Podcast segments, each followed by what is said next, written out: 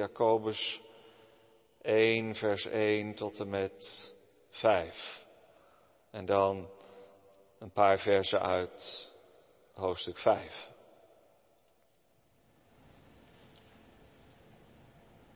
Jacobus, een dienstknecht van God en van de Heere, Jezus Christus. Aan de twaalf stammen die in de verstrooiing zijn, wees verheugd. Acht het enkel vreugde, mijn broeders, wanneer u in allerlei verzoekingen terechtkomt. Want u weet dat de beproeving van uw geloof volharding teweeg brengt. Maar laat die volharding ook volledig mogen doorwerken, opdat u volmaakt bent en geheel oprecht en in niets tekortschiet. En als iemand van u in wijsheid tekortschiet, laat hij die dan vragen aan God, die aan een ieder overvloedig geeft en geen verwijten maakt, en ze zal hem gegeven worden. Wat is dat een mooie tekst, hè? vers 5. Als je geen wijsheid hebt, dan mag je die aan God vragen. En dan staat er een belofte. Die wijsheid zal aan u, aan jou gegeven worden. Vraag er maar om. Want het is God die geen verwijt maakt. We maken elkaar soms verwijten. We hebben soms zelf verwijt. Had ik maar dit, had ik maar dat. Maar hoe vaak je ook bij God aanklopt, hij zal nou nooit eens zeggen, kom je nou alweer? Wat kom je doen? Nee, het is de God die geen verwijten maakt. Wat een bemoediging. Het gaat hier dus om de oproep om te volharden. Nou, en dan verwijst Jacobus in het laatste hoofdstuk, als hij daarop terugkomt, naar het voorbeeld van Job. We lezen de versen 7 tot en met 11 van Jacobus 5. Wees daarom geduldig, broeders, tot de komst van de Here. Zie, de landbouwer verwacht de kostbare vrucht van het land en heeft daarbij geduld. Zodat het de vroege en de late regen zal hebben ontvangen. Jullie moeten ook geduldig zijn. En jullie hart versterken.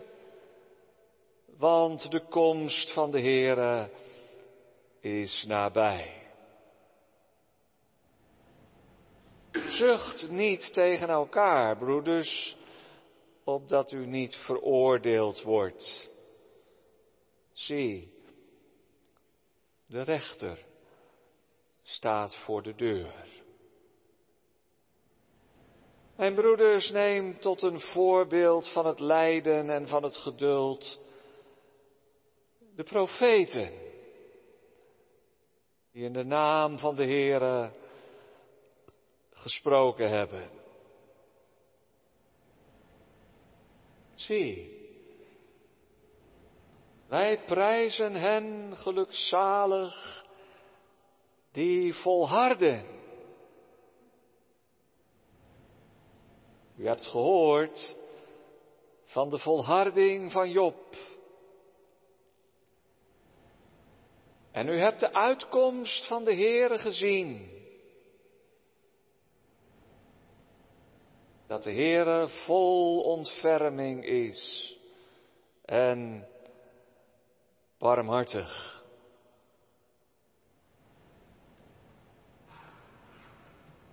Nou, dat laatste vers, vers 11, is dan het uitgangspunt voor de verkondiging. En dat gaat dus over de volharding van Job.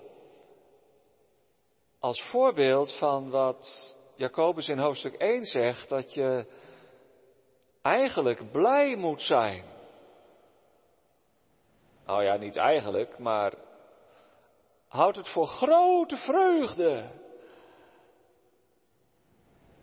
Als je in veel beproevingen terechtkomt. Dat is eigenlijk heel raar. Het voelt een beetje ongepast. Hoe kan je nou blij zijn met tegenslagen, met zorgen? Met beproevingen? Daar proberen we in de preek een antwoord op te vinden. Hoe je kunt blij kunt zijn, ondanks of in de verdrukking. Geliefden in de Heere Jezus Christus. Jacobus verwijst naar Job. Alsof hij aan het eind van zijn brief nog een paar praktische wenken geeft. En de gemeenteleden in de verstrooiing, zegt hij, in de diaspora, de gemeente aan wie hij zich richt, eraan herinnert. Jullie hebben toch wel gehoord van Job? Jullie kennen dat Bijbelverhaal toch wel? Hoe erg het was en hoe het afliep, het einde van de Here. Dat de Here barmhartig is en zich ontfermd heeft over Job. Hou dat vast. Zo'n Bijbelse geschiedenis staat er niet voor niets. Het is er ook om ons iets mee te geven. Wat dan? Jullie hebben gehoord van de volharding van Job. Wij hebben het vaak over Jobs geduld. Dat is zo'n uitdrukking, Jobs geduld en Salomo's wijsheid. Mijn moeder zei dat nog wel eens. Tegen ons, mijn zus en mij. Ik heb Jobs geduld en Salomo's wijsheid nodig om jullie op te voeden, of, of zoiets. Dat lag natuurlijk aan mijn zus en aan mij. Maar zo'n uitdrukking, Jobs geduld. Maar het gaat in de tekst niet zozeer over Jobs geduld, het gaat over zijn volharding. Zoals Jezus gezegd heeft, wie volharden zal tot het einde, die zal gered worden. Dat je het volhoudt.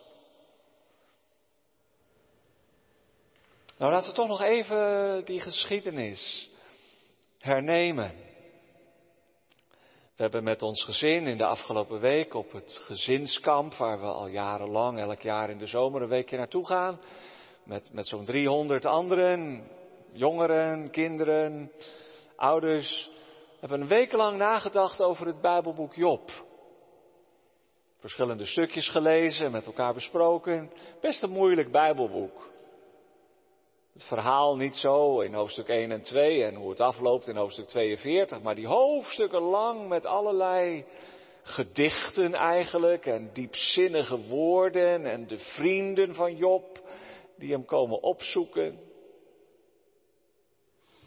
Waarom staat dat boek eigenlijk in de Bijbel? Vroeg ik me aan het eind van de week af. Als het er niet in zou staan, zou je het misschien niet eens missen. Het gaat over iemand, niet eens een Jood, uit de tijd van de aartsvaders, waarschijnlijk. En ja, er staan wel heel mooie dingen in, maar die mooie dingen staan ook wel in de rest van de Bijbel. Hebben het boek, Bijbelboek Job eigenlijk wel nodig? Als het er niet zou staan, dan zou, zou niemand zeggen waar is Job? Of waarom weten we niet wat meer over Job?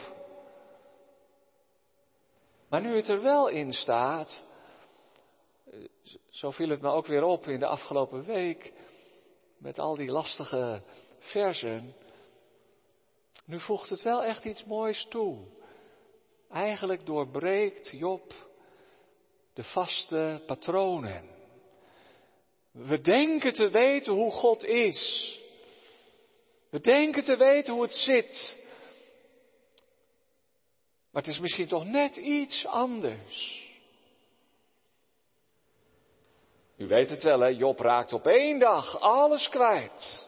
Zijn schapen, zijn runderen, zijn kamelen, Nou ja, dat is allemaal materieel. Al gaat het wel om levend vee. Je boerderij zal maar afbranden, zeg. Met al je dieren. Maar ook zijn kinderen. Alle tien. En wie had dat nou gedaan? Ja, dat had de Satan gedaan. Want die kwam in de hemel. En hij vroeg of hij Job eens mocht beproeven, omdat het natuurlijk wel logisch was dat Job God diende. Maar de Satan komt verder helemaal niet meer terug in die gesprekken van Job met zijn vrienden. En de Heere God laat het toch wel gebeuren, allemaal.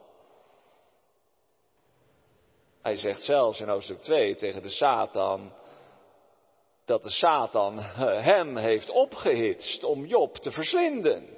Dan, dan draait, draait de rollen weer om. Is het nou van de duivel allemaal, het kwaad wat er in de wereld gebeurt? Of is het de hand van God die alles bestuurt? Maar de zegeningen komen toch niet op dezelfde manier van God als, als alle verdriet en lijden?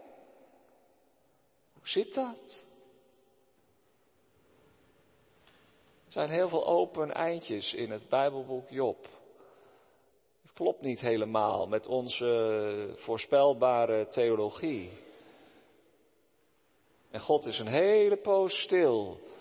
Die vrienden beschuldigen Job dat hij wel gezondigd zal hebben. Job zegt het is niet waar.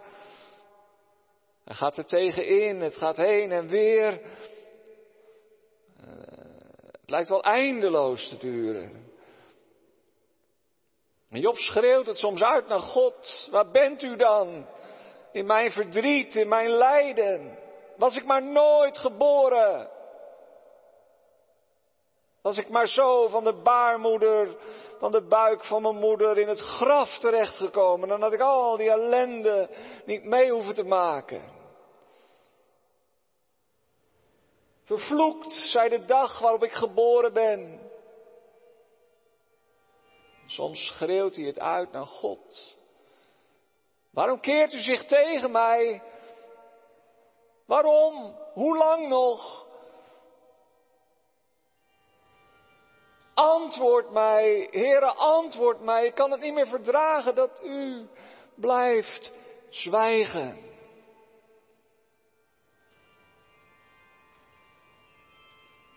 Ja, als de leidende rechtvaardige lijkt Job ook wel op Jezus.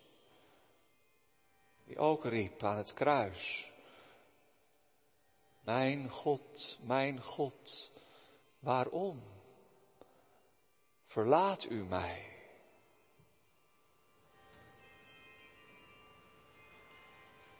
En dan aan het eind van het boek Job zegt de Heere zelf tegen die drie vrienden met al hun wijze woorden. Jullie hebben niet juist over mij gesproken. Nou, ze zeggen echt hele mooie dingen soms hoor. Eh, God zegt niet, jullie hebben niet juist over Job gesproken. Jullie hebben Job geen recht gedaan, maar jullie hebben niet juist over mij gesproken. Job wel. Zoals mijn knecht Job wel gedaan heeft. Hij heeft volgehouden, daar heb je het. Tot het bittere einde aan toe. Volgehouden om God niet los te laten en geen afscheid van hem te nemen. Maar ook volgehouden dat hij oprecht was. En dat er geen aanleiding in zijn leven was, zoals zijn vrienden suggereerden, waarom al dat lijden hem moest treffen. Hij hield vol aan zijn oprechtheid. En in dit alles zondigde Job met zijn lippen niet. Onvoorstelbaar. Want Job zegt soms ook wel hele vreemde dingen over God en over hemzelf. Eh, dingen waarvan wij met de vrienden zouden zeggen, Job, dat kun je toch niet maken om dat zo te zeggen.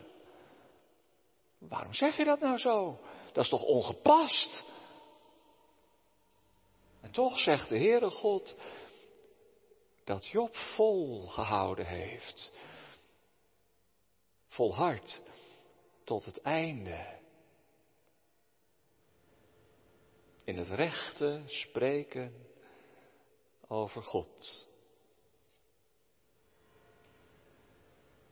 Nou ja, wat we in de afgelopen week met elkaar zo, eh, met onze vrienden en met de jongeren meegemaakt hebben, dat is dat het wel een moeilijk Bijbelboek is om te bespreken.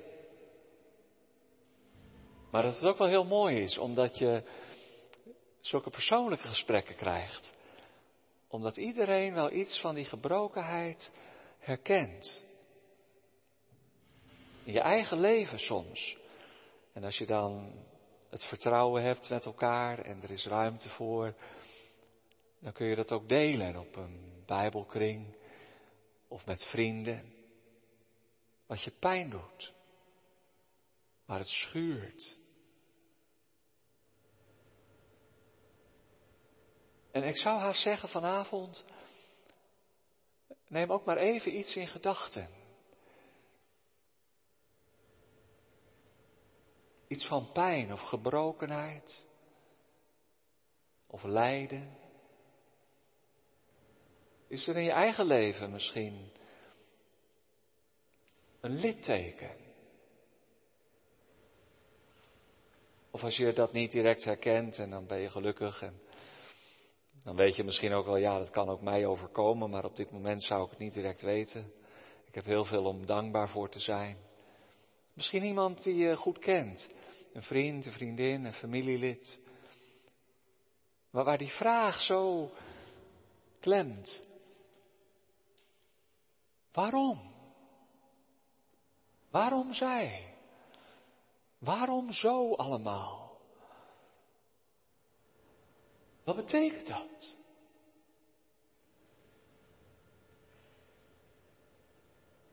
Dan hou dat maar even vast. Leg je vinger bij de wond, bij het litteken.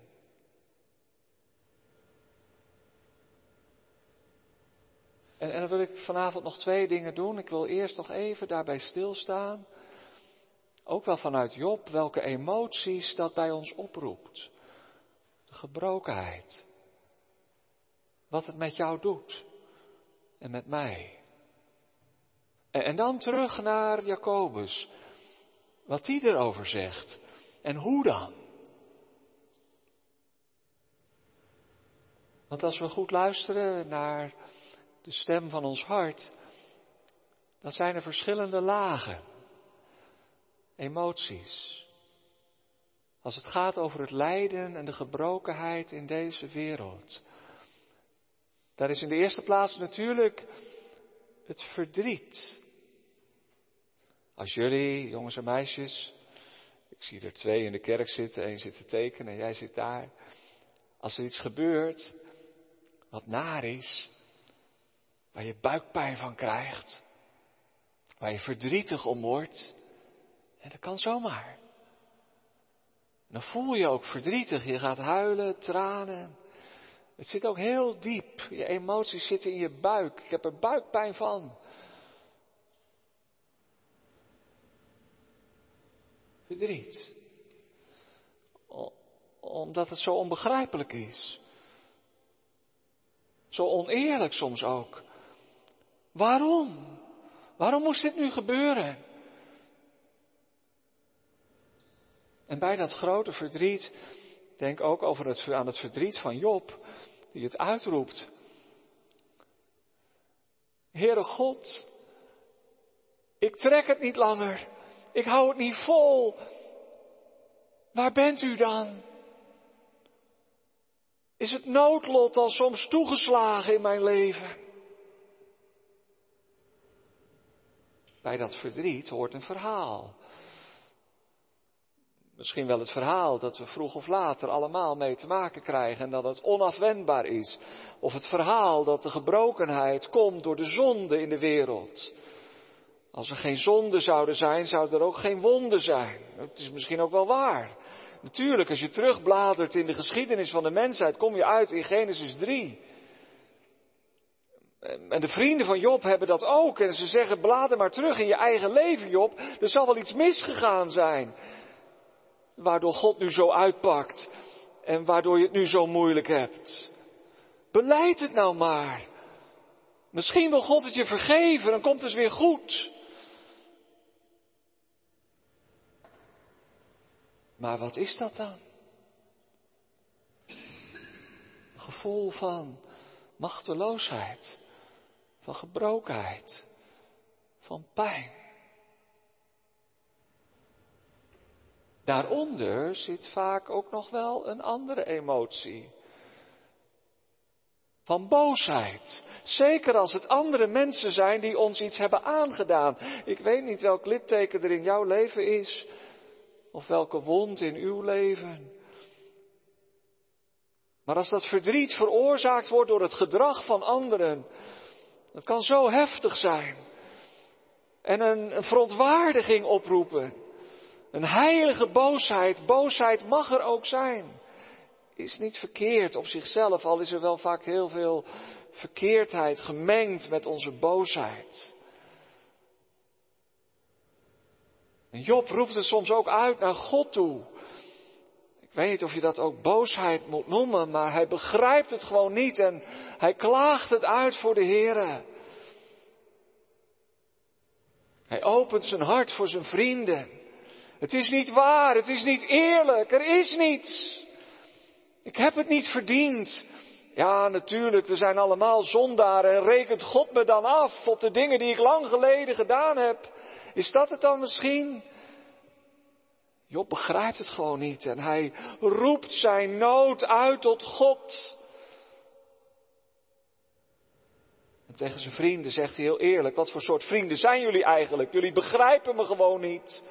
Jullie beschuldigen me mij. Ik voel me eenzaam en alleen. Er is niemand die zich over mij ontfermt. Ontferm u over mij. Ontferm u over mij, mijn vrienden. Ja, ze hadden wel zeven dagen gezwegen. Soms kan het goed zijn als iemand even niks zegt. En zeker niet meteen zegt, ja, dat heb ik ook, of dat herken ik ook. Of doe maar dit, of doe maar dat. Met al die ongevraagde adviezen schiet je meestal ook niet op. Dan kunnen mensen misschien beter zeven dagen zwijgen. Nou ja, zei iemand van de week, dat vond ik wel mooi. Zeven dagen is ook wel heel erg lang, hè? Ze wachten en ze wachten en ze wachten. Want ze weten niet wat ze moeten zeggen. En uiteindelijk is het Job die de stilte doorbreekt. Misschien was dat iets van die cultuur in het Oude Oosten. Maar het is ook wel heel zwaar. Als niemand wat zegt. Als niemand je begrijpt. Voel je die emotie van de boosheid? Wel voorzichtig zijn, hè, dat verdriet niet omslaat in depressie. En dat boosheid niet omslaat in wrok. Als je die boosheid koestert. Het is altijd de ander die het gedaan heeft. Daar hoort ook een verhaal bij. Een frame.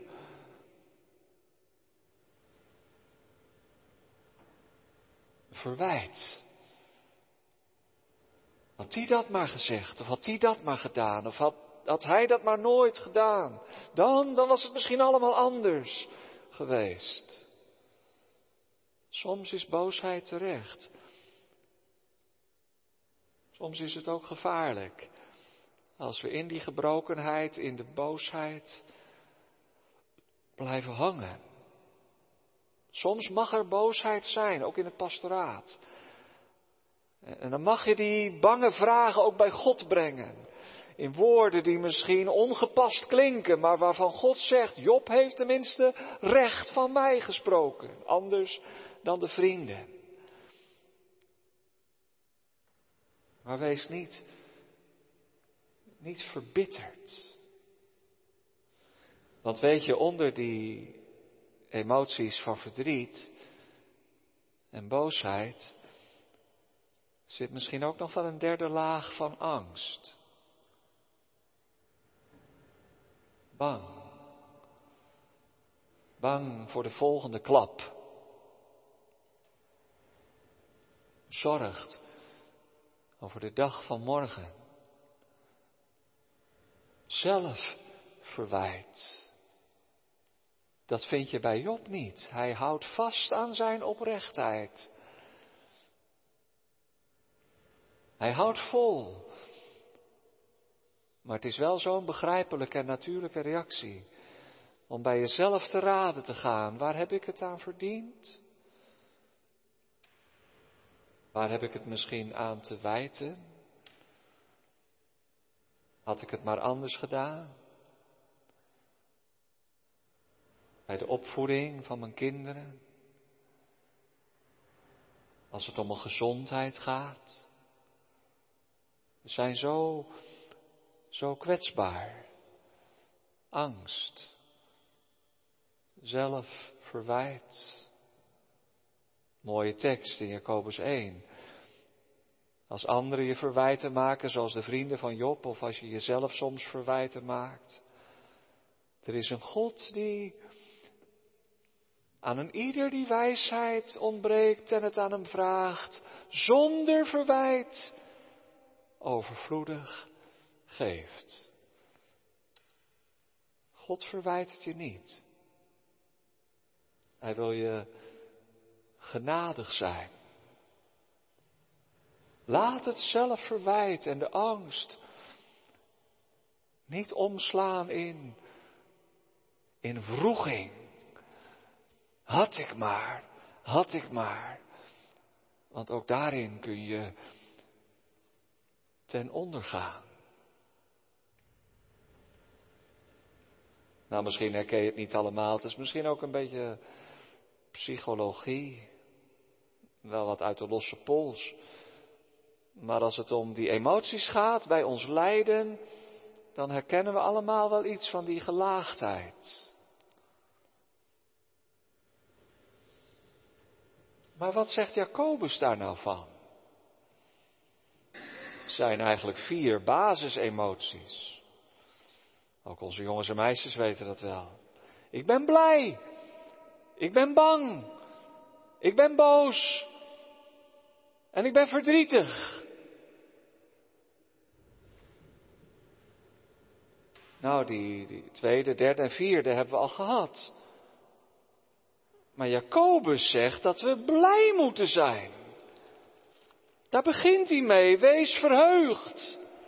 Zaten die mensen daar in de verstrooiing en in de verdrukking op te wachten?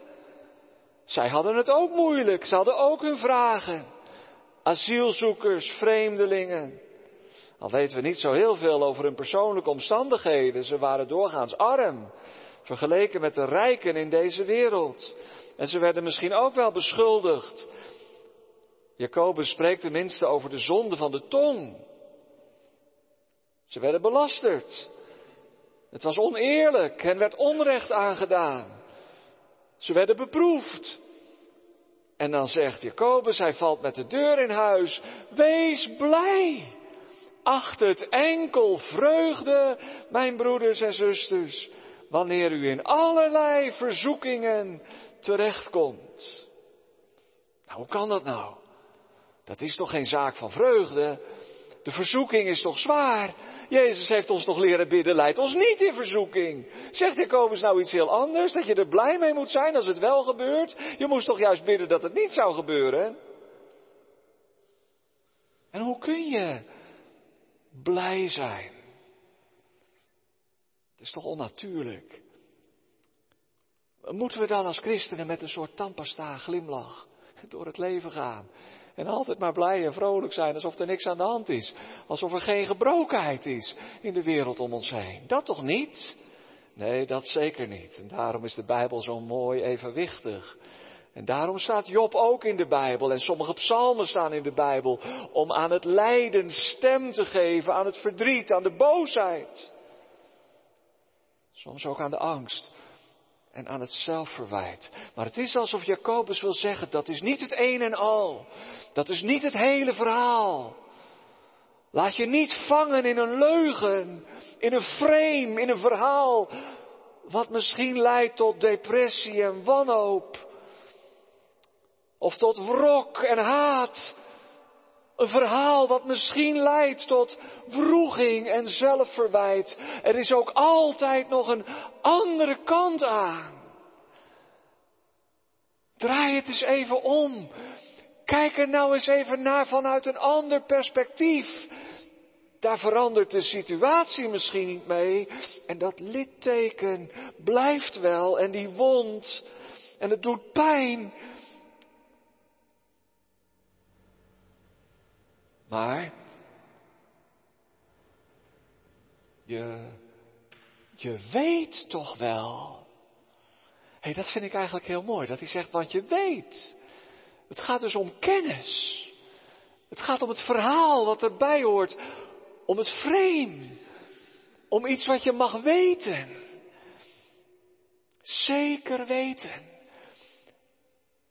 En ik kan mijn gevoelens niet aansturen. Mijn verdriet en mijn boosheid en mijn angst. Je kunt er soms zelfs in gevangen raken. Maar je kunt je emoties wel. Je kunt ze niet aansturen. Je moet ze zeker ook niet wegdrukken. Maar je kunt ze wel voeden. Voeden met kennis. Want je weet toch wel, zegt hij, dat de beproeving van je geloof, 1 vers 3, volharding teweeg brengt. En laat die volharding volledig doorwerken. Zodat je volmaakt bent en oprecht en in niets tekort schiet. En als schiet je tekort, vraag dan wijsheid aan God.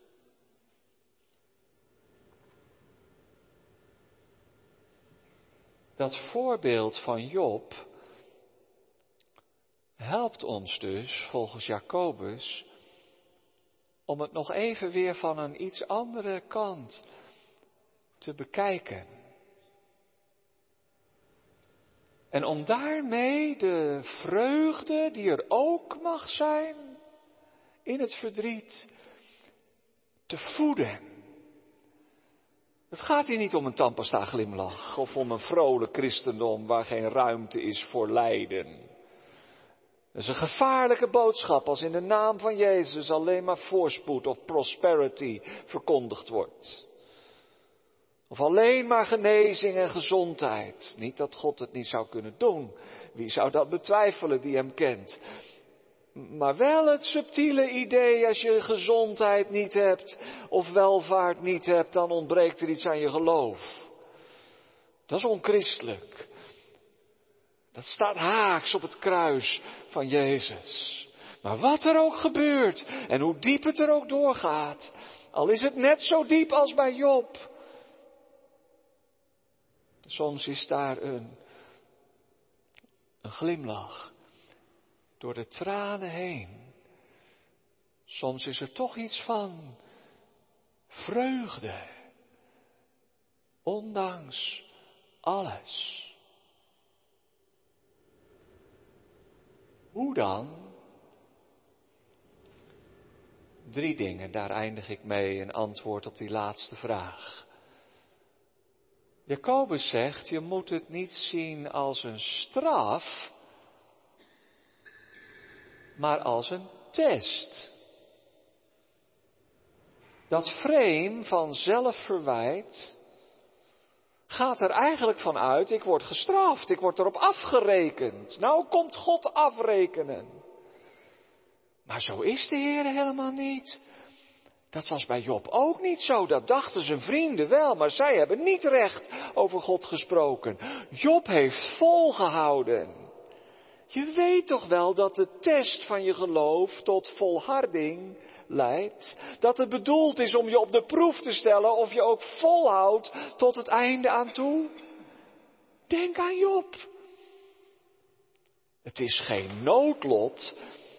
Dan zou je alle reden hebben om depressief te zijn. Neerslachtig, moedeloos. Het is geen noodlot. Het was een weddenschap. Ja, wel heel vreemd hoor, in de hemel een weddenschap tussen God en de duivel. Ook weer zo raadselachtig. Maar toch, God heeft gezegd, heb je mijn knecht Job wel gezien? Dat hij oprecht is en vroom en wijkende van het kwaad? Ja, zeker, zegt de Satan, ik heb het gezien. Maar dat is ook niet voor niks, want u hebt een rijk gezegend. Nou, zegt de Heer, jij mag hem dan op de proef stellen. Dan zullen we zien wie er wint. Het kwaad of het goede? De Satan of God? Natuurlijk is dat ook wel een vorm van beeldspraak. Hoe letterlijk moet je dat allemaal nemen? Maar de boodschap van het Bijbelboek Job is nou juist dat het een, dat het een test is.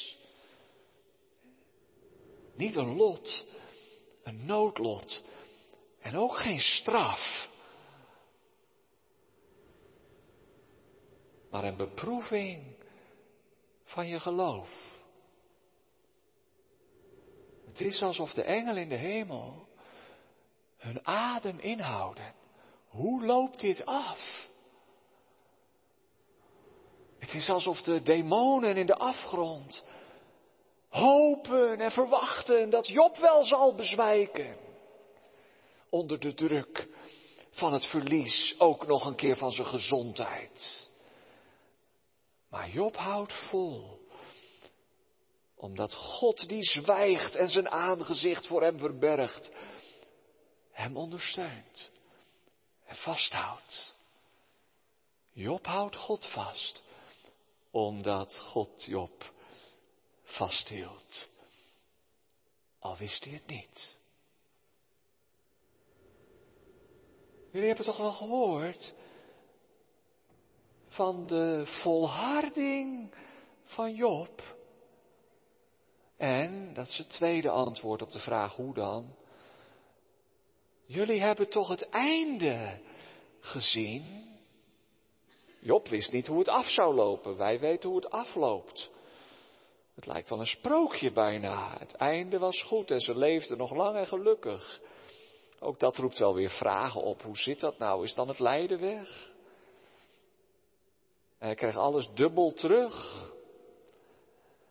Wat heeft dat te betekenen in het licht van de wet? Ik laat het maar even rusten. Maar in ieder geval heb je het einde niet van Job gezien, maar het einde van de Here. En daar gaat het ook steeds over, over het einde van de Here. Dat hij terugkomt als rechter, als redder. Hij staat voor de deur heb geduld en volharding totdat Jezus komt. We weten niet wat ons allemaal te wachten staat en soms slaat de schrik om het hart en de angst kan zo diep zitten. We weten niet wat ons te wachten staat, maar je weet toch wel hoe het afloopt. Denk aan het einde. Het is geen straf, maar een test. Dat is één. Maar het is ook maar het is toch ook maar, hoe erg het ook is, hoe diep het er ook doorgaat. Het is toch ook maar voor een poosje, voor even. Een verdrukking van tien dagen die voorbij gaat. Houd moed.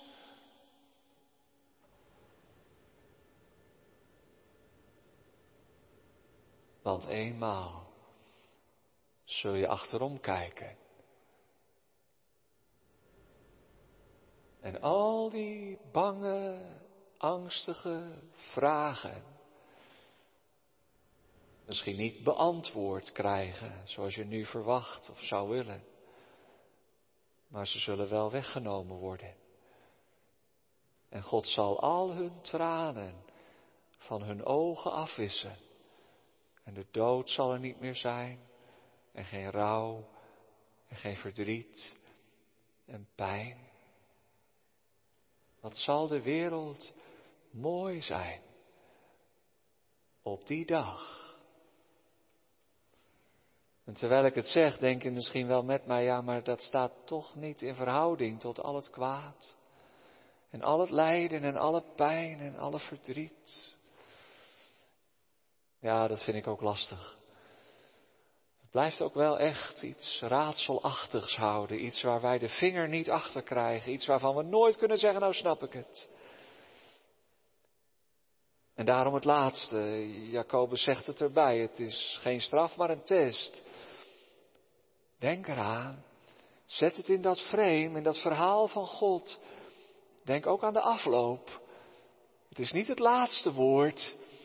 Een nieuwe hemel en een nieuwe aarde. Het einde van de Here.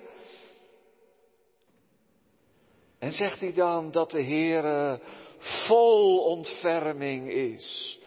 En barmhartig. Dat herinnert ons aan de godsnaam, zoals God het zelf uitroept voor het aangezicht van Mozes. Barmhartig en genadig is de Heer, langmoedig en groot van goede tierenheid en vol ontferming. God is geen opperwezen in de hemel die het kwaad hier en daar maar uitdeelt en toeschikt. Zo werkt het niet. Hij is intens betrokken bij zijn knecht Job. Hij leidt mee in dat lijden van Job, ook als Job er niks van merkt. Hij is vol ontferming. En hij is barmhartig. Soms lijkt het wel alsof hij hard is en onbewogen. Maar zo is de Heer niet. Hij is erbij. Ik zal er zijn.